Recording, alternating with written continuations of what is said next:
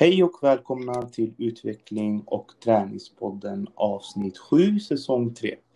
Nu är vi tillbaka då med ett nytt avsnitt.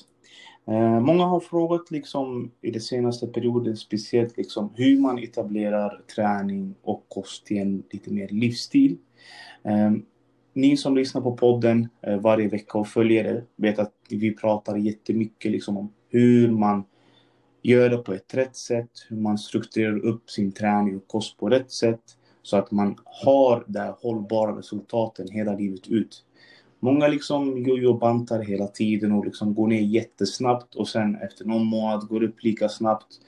Och det känns som att man fastnar liksom i en ond cirkel eh, vart man ska ta sig när det kommer till sin kropp och hur man ska ha det.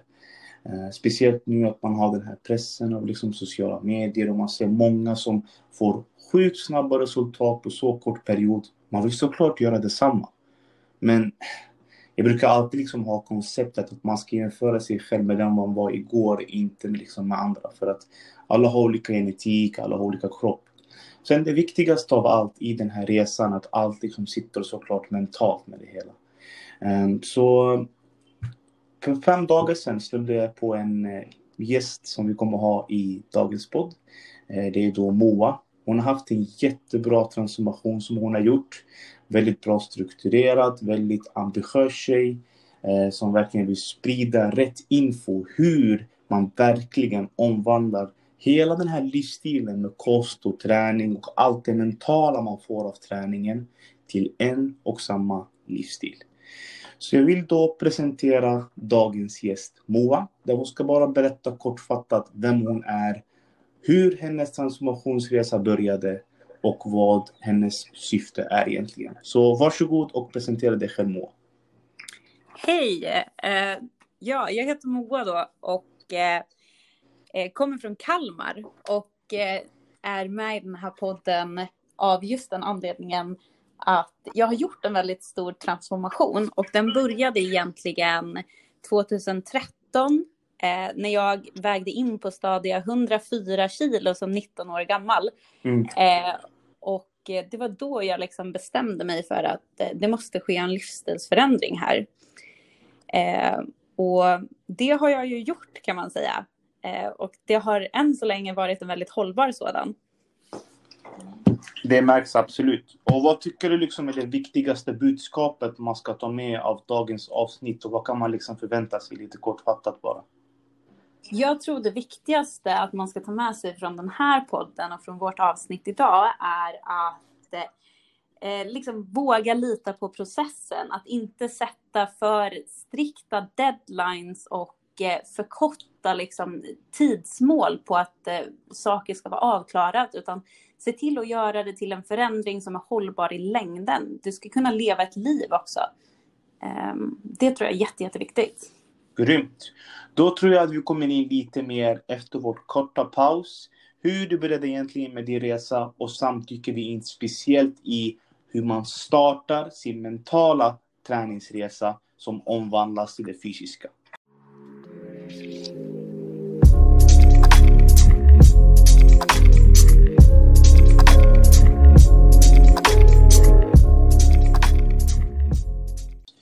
Är vi tillbaka efter den korta pausen med Moa. Så jag tänkte Moa, bara för att lyssnarna ska lära känna lite dig bättre så att du bara kan förklara kortfattat om din transformation då. Som vi sa tidigare så vägde jag förr 104 kilo. Och mm. eh, någonting som liksom fick mig att börja min livsstilsförändring från början, det var att när jag var 19 år gammal och eh, eh, skulle knyta mina egna skor så kunde jag inte det längre. Utan mm.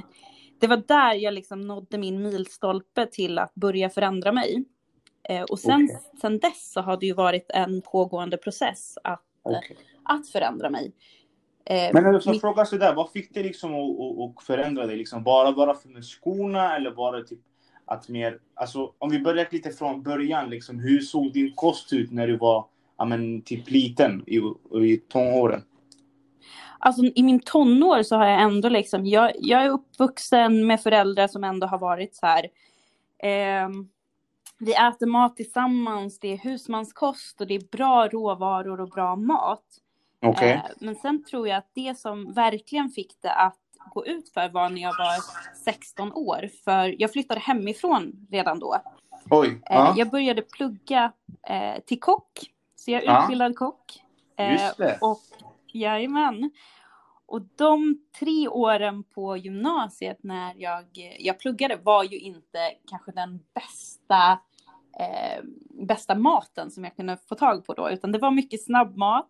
Eh, vi Mm. lagade ju också kanske inte den mest Jag hälsosamma kan maten. tänka mig, du vet, kock brukar alltid äta sin egna mat. Det blir extra. Jajamän, det kan jag säga att man gjorde. Ja. Man åt verkligen sin egna mat och man åt andras mat också. Mycket bakelser också kan jag tänka mig. Lite så. Ja, alltså Ja. jag, eh, jag var ju väldigt intresserad utav eh, alltså konditori och just sötsaker. Mm. Ehm, så det var ju under de tre åren på gymnasiet som gjorde att jag, jag vet att jag vägde runt 70 kilo när jag började gymnasiet och när jag slutade gymnasiet så var jag på stadie 104. Oj. Ehm, Och allting Så- händer så snabbt liksom. Du känner inte liksom av det direkt, eller? Nej, alltså det är ju lite så när man är i det så tänker man inte riktigt på det. Och jag var ju Mm. medveten om att jag gick upp i vikt, men inte till den, eh, den nivån som jag faktiskt eh, nådde. Mm. Om vi ber- berättar lite om den här situationen som hände när du skulle knyta dina skor. Du kände okej, jag kan knappt knyta mina egna skor. Nu börjar det gå över lite gränsen. Är det Ja. liksom en, är det liksom en disgust-känsla som du hade som pushade dig fram att verkligen göra det här? Eller liksom hur gick tankarna till att okej, du, du ska verkligen börja och köra all in och inte släppa träningen alls liksom? Ja, alltså det var väl lite så här att gud, jag hade ju vant mig vid tanken när jag var 19 år att jag kommer vara överviktig för resten av mitt liv. Och jag trodde liksom att gud, det är, det är kört nu. Eh, det här är vad jag kommer, kommer få dras med liksom. Eh, Mm. Men jag är en ganska envis människa. Alltså jag är ganska så här eh, målmedveten också. Om jag bestämmer mig sätt. för någonting Ja. eh, så går jag väldigt all in för det. Mm. Ehm, så det var väl liksom när jag vid den här situationen att jag bara säger, men jag kan inte knyta mina skor. Ska jag verkligen ha det så här för resten av mitt liv? Är det Mm. det här jag ska, ska ge mig själv? Ska jag ge mig själv ett ohälsosamt liv? Nej. Ehm, och sen så märkte jag ganska snabbt efter att jag hade tagit studenten att när jag kom in i själva arbetslivet, eh, då jobbade jag som servitris de första månaderna, att eh, alltså, ska jag kunna ha ett hållbart liv? Jag orkar ju inte bära runt på den här kroppen. Nej. Eh, jag jobbade väldigt långa timmar, väldigt långa dagar, gick väldigt mycket på jobbet. Ehm, och det märktes ju snabbt att jag, varken mina knän eller min kropp klarade av det. Okej.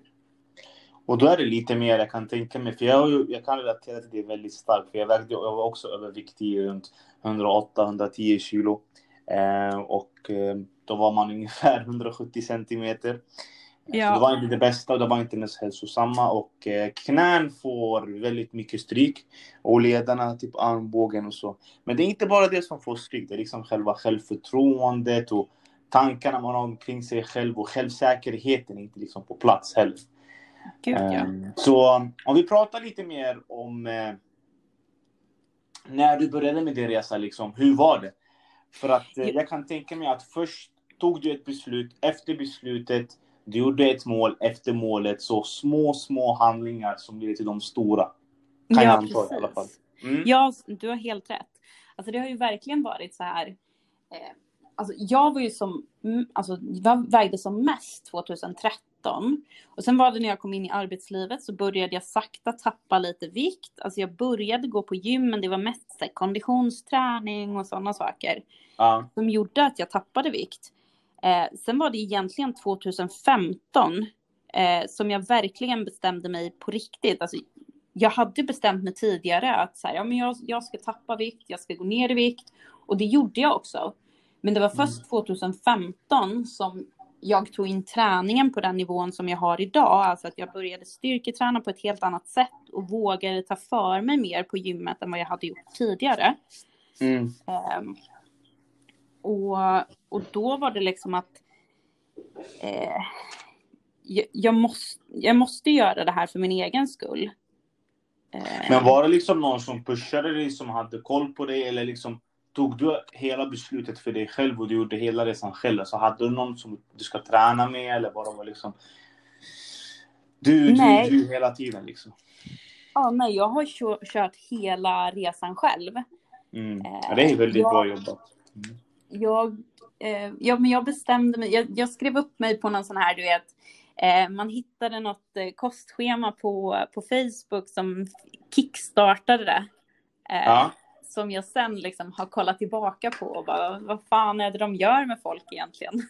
ja, det är så Eh, pass. Ja, eh, där det var någon sån här extremdiet och visst, det funkade ju. Eh, det fick ju igång mig, men det tog inte lång tid innan jag fattade liksom varför det funkade. För det var ju att man inte åt knappt någon mat alls och allt salt var uteslutet ur kosten och sådär. Ehm, Mm. och det är ju sånt som man kan reflektera över nu i efterhand när man har liksom lärt känna och eh, lärt känna sig själv och hur faktiskt kroppen fungerar. Att eh, du behöver inte gå på någon svältdiet eh, för Nej. att tappa vikt.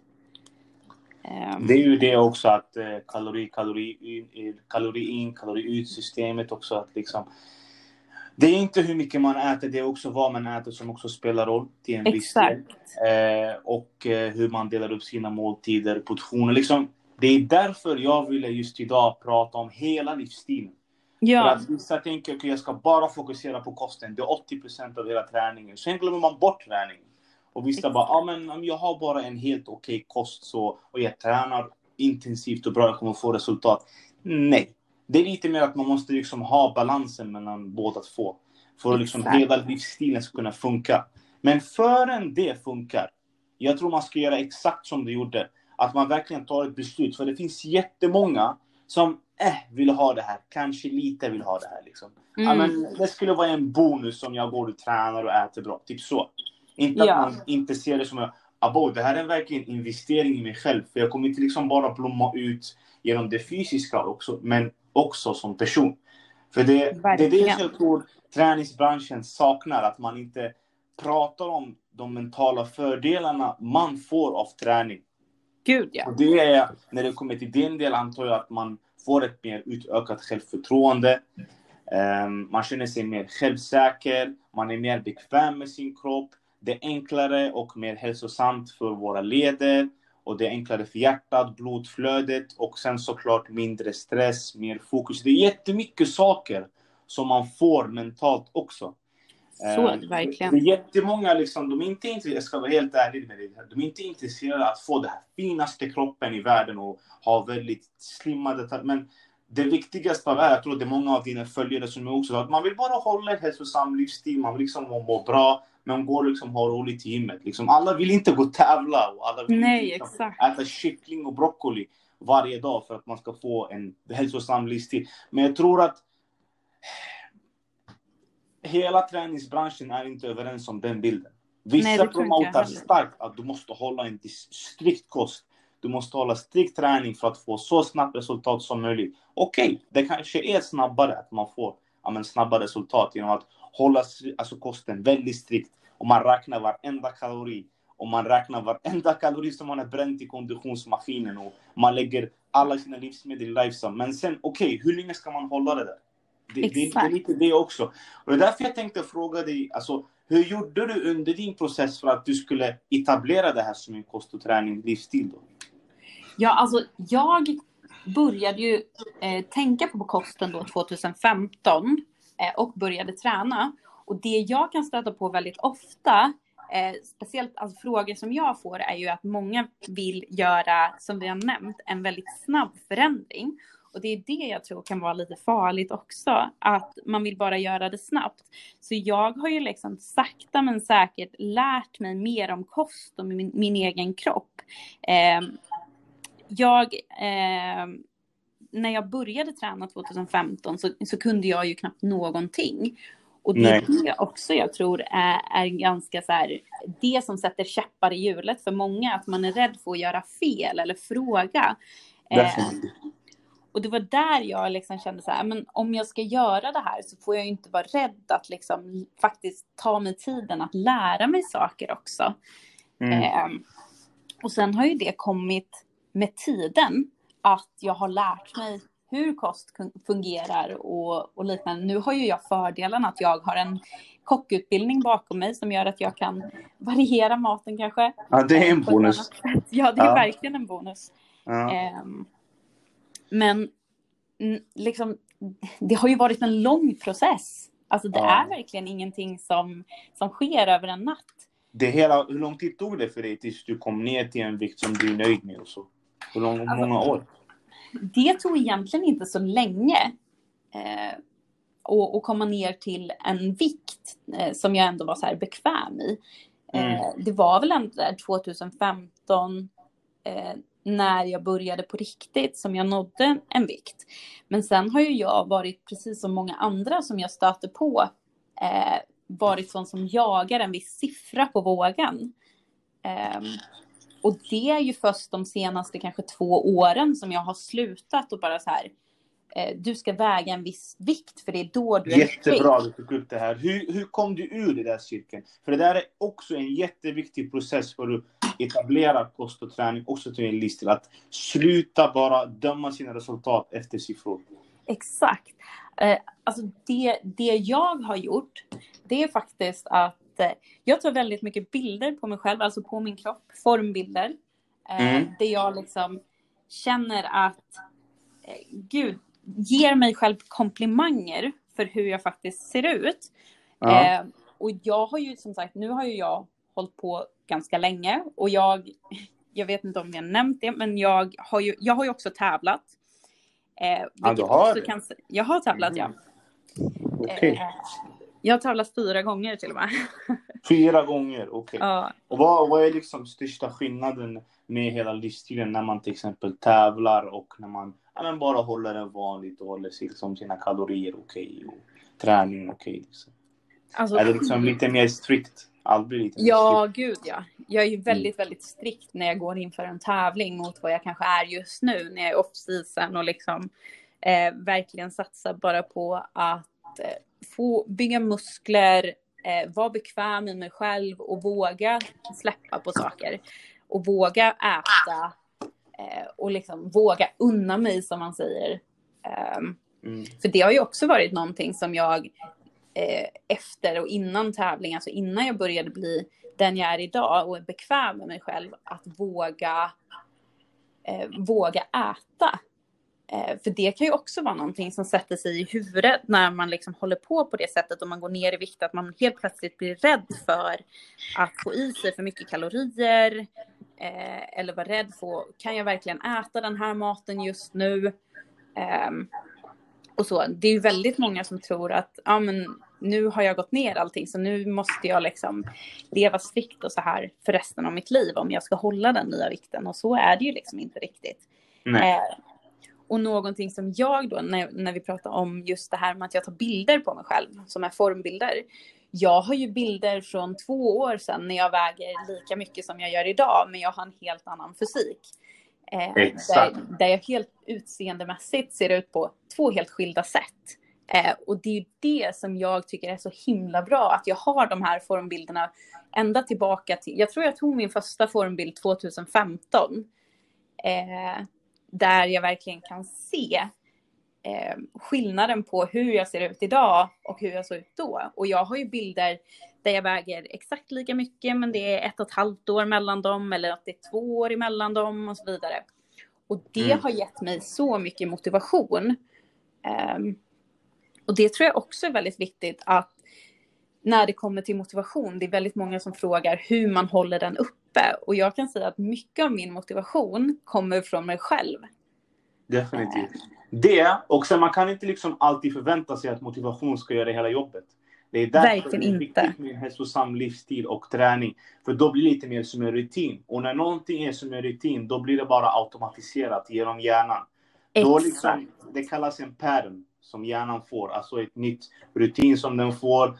Och då vet man, okej okay, de här dagarna går jag alltid till gymmet som har en slags rutin. Många frågar mig också exakt samma sak som dig Moa, men, men hur ska jag göra för att få motivationen för att komma igång till träningen? Vem kommer ha motivation i vintern när det, när det snöar sönder och typ snön är 3-4 meter upp och man måste gå och skrapa bilen och sen åka ända till gymmet? Exakt. det, motivation kommer aldrig fixa det där. Kanske Nej. en gång om man lyssnar på en motivationsvideo i Youtube. Men i de flesta fallen, man kommer inte orka. Så Nej. det är därför disciplin och en etablerad kost och träning i en livsstil är mycket mer viktigare än bara en motivationsfråga, tycker jag. Så Exakt. jag håller med dig, absolut. Jag får Och också sen- den frågan så ofta. Mm, Eh. exakt.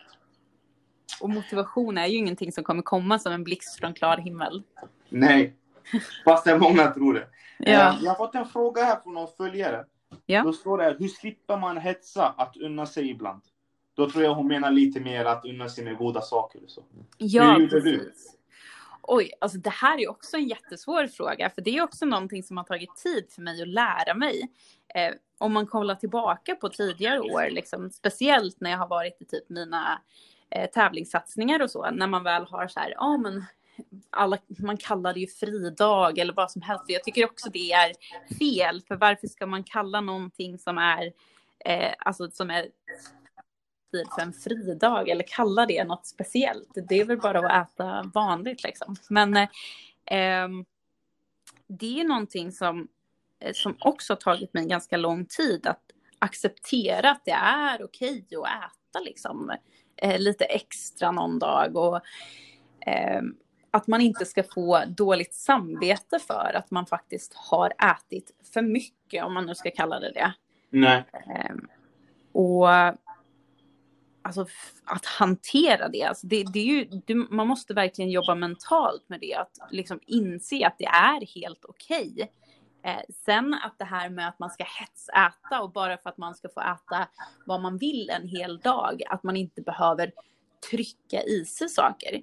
Jag brukar säga det till de som frågar mig om de så här, men gud, jag är så sugen på godis eller jag är så sugen på den här maträtten. Alltså jag brukar säga, men håll ut en dag. Är du fortfarande sugen på det dagen efter, då kanske det är värt att äta det. Alltså då kanske du tycker att det ja men då, då har jag ju faktiskt, då är det någonting som jag vill ha och då är det inte bara någonting jag vill ha för stunden. Mm. Ehm, Det är också ett bra alternativ. När det liksom kommer till min del, jag ser inte det som unna. Jag håller liksom med dig, för det finns inget som heter unna sig. Man är nej. inte liksom någon eh, robot som man ska bli unnad bara för att man har gjort någonting bra. Eh, eller, det, det är liksom, det där är helt utan alltså, tankesättet som jag har i alla fall. För det viktigaste av allt med hela den här livsstilen, att man måste också inse att så här, livet är för kort. Det är, så här, det är inte värt att sitta varje dag och äta kyckling och broccoli och lövbiff och potatis och varenda dag blir samma sak. Bara för att man ska ja, men, se lite mer av sina abs eller se lite mer linjer på sin mage. Och det är jättemånga liksom som har byggt det här eh, rädslan för att kunna äta mat eller av god mat ibland om man är sugen. Därför att det har kommit från fel information. Det är Mm. jättemånga liksom som man hör via sociala medier. Man, ja, men vi kör den här 30 dagars utmaningen. Nu ska vi sluta äta chips och nu ska vi äta, sluta äta godis. Och vi ska sluta äta liksom, allt det goda i 30 dagar. Då kommer du må mycket bättre. Okej, man kanske mår mycket bättre. Men kommer man verkligen kunna hålla det här i 20 år, 30 år, 40 år? Det. Exakt. Så jag tror det första är det fem steg. Först kommer det liksom en acceptans att man också är människa, man har känslor, man har att man är sugen ibland på så man inte är en robot som många tror att man är nej, utan man har ändå känslor, man blir sugen ibland på saker, såklart ska man ta det. Andra, ja men såklart ibland när man börjar liksom unna sig lite mer oftare än vanligt på godis eller lite sådana saker, då kan det gå lite överstyr. Så Precis. det är viktigt också att man har den här fina balansen ja, men kanske 80% hälsosam mat, bra mat som är bra för din kropp med rätta näringsvärden, proteiner, kolhydrater, fetter. Som ger din kropp den rätta näring så att, så att den kan driva din kropp fram varje dag från när du vaknar tills du går och lägger dig. Så det är också en viktig grej.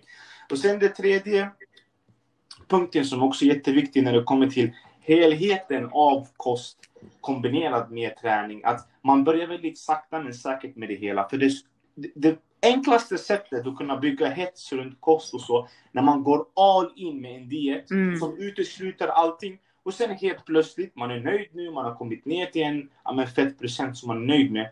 Plötsligt ska man börja äta vanligt och man tänker, men vadå, om jag, äter, om jag börjar äta vanligt, jag, jag har ju inte ätit socker på 6-7 månader. Jag kan inte bara äta socker igen från ingenstans. Och så jag tror det är så den här hetsen kommer. Att man går all in direkt i början. Man kommer ner, man ser kanske snabba resultat, men hur länge kommer de här resultaten hålla? För ingen Exakt. människa kan verkligen hålla en strikt tävlingsdiet. Du vet själv om det. Moa. Ja, gud ja. En strikt tävlingsdiet hela livet ut, det är nästan omöjligt. Alltså kroppen kommer liksom kollapsa. Man kanske ser bra ut utseendemässigt, men hur mår man inne mentalt och inne i kroppen, det är en helt annan femma. Eh, så det är någonting man ska också tänka på, verkligen värdesätta. Så mitt sista tips är bara att tänka steg för steg. För att din kropp, det är ingen maskin. Den behöver också ha tid för magsäcken ska kunna etablera sig, ämneomsättningen ska kunna etablera sig och det viktigaste är din metabolism. För den ska också kunna etablera sig med din nya vikt. Då krävs det tid. Allt kräver Gud, tid. Allt det goda kräver tid. Det vet Moa bäst om. Eller hur Moa? Ja, verkligen. Ja. Och det är ju verkligen så. Alltså, det kan man ju också säga så här. Alltså hur lång, om man nu är i en vikt som kanske är lite för mycket eller man kanske inte trivs. Då har det ju tagit x antal månader och år för att ta sig dit också. Då kan man ju inte heller förvänta sig att den nya förändringen ska ta två månader för att, eh, för att liksom nå det nya målet. Nej. Alltså, det tar ju, jag brukar säga, det tar ju lika lång tid som det tog för dig att gå upp till, till att liksom gå ner igen. Mm. Um. Definitivt. Um, det, det, det, är också det är jätteviktigt med rätt info. Det, det är därför liksom man brukar alltid rekommendera att man dubbelkollar infon och så här. Det är så mycket information nu som man kan söka sig fram så att man vet inte vad som är rätt, man vet inte vad som är fel. Um, Gud, så det är bra liksom att man håller sig till en och samma känsla, uh, alltså källa och litar på en och samma källa. Det är också ja, källkritik verkligen. Mm. Bra! Uh, du Moa, har du bara några sista råd till alla liksom, följare och lyssnare som vill verkligen etablera det här hela med kosten och träning och slippa och komplicera med program och träningsprogram och kostprogram och, och hålla sig till en och samma sak. Liksom. Vad är de bästa råden som du kan plocka ut från din resa som du tycker kommer verkligen hjälpa dina följare och mina följare och alla lyssnare? Alltså jag tror att det är väldigt viktigt att, att man inte ska glömma att stanna upp och ge sig själv en klapp på axeln och liksom vara stolt över de saker som du har åstadkommit. Eh, och likadant, om, om man skulle känna att man har misslyckats eller liknande, det handlar inte om att man då ska ge upp, utan att man hela tiden ska fortsätta framåt. Eh, bara för att du gör ett snedsteg så innebär det inte att allting är sabbat. Eh, utan bara fortsätt följa och så länge du vill någonting tillräckligt mycket så kommer du alltid kunna klara av det, bara du är villig att jobba för det. Mm, definitivt. Kloka ord Moa.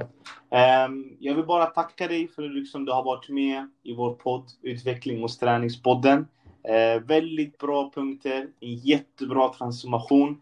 Jag uh, vill bara liksom fortsätta och säga att du ska bara fortsätta på samma fina spår att sprida det rätta kunskapet genom din Instagram uh, som vi kommer kunna länka nere under poddavsnittet. Um, och sen har ni några frågor eller funderingar till Moa så kan ni alltid liksom kontakta henne via Instagram. Uh, och mig såklart. Och någonting som skulle göra oss båda glada, att ni ger en femstjärnig uh, rating till den här botten. Och uh, skriver lite feedback om podden, någonting vi kan tänka på inför nästa gång. jag kan definitivt tänka mig en till podcast Moa i framtiden, eller vad säger du? Jättegärna för min del.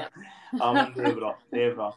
Eh, då vill jag tacka dig för den här fina tiden Moa, så får du ha det så jättebra. Och tack alla lyssnare som lyssnade på Utveckling och Träningspodden.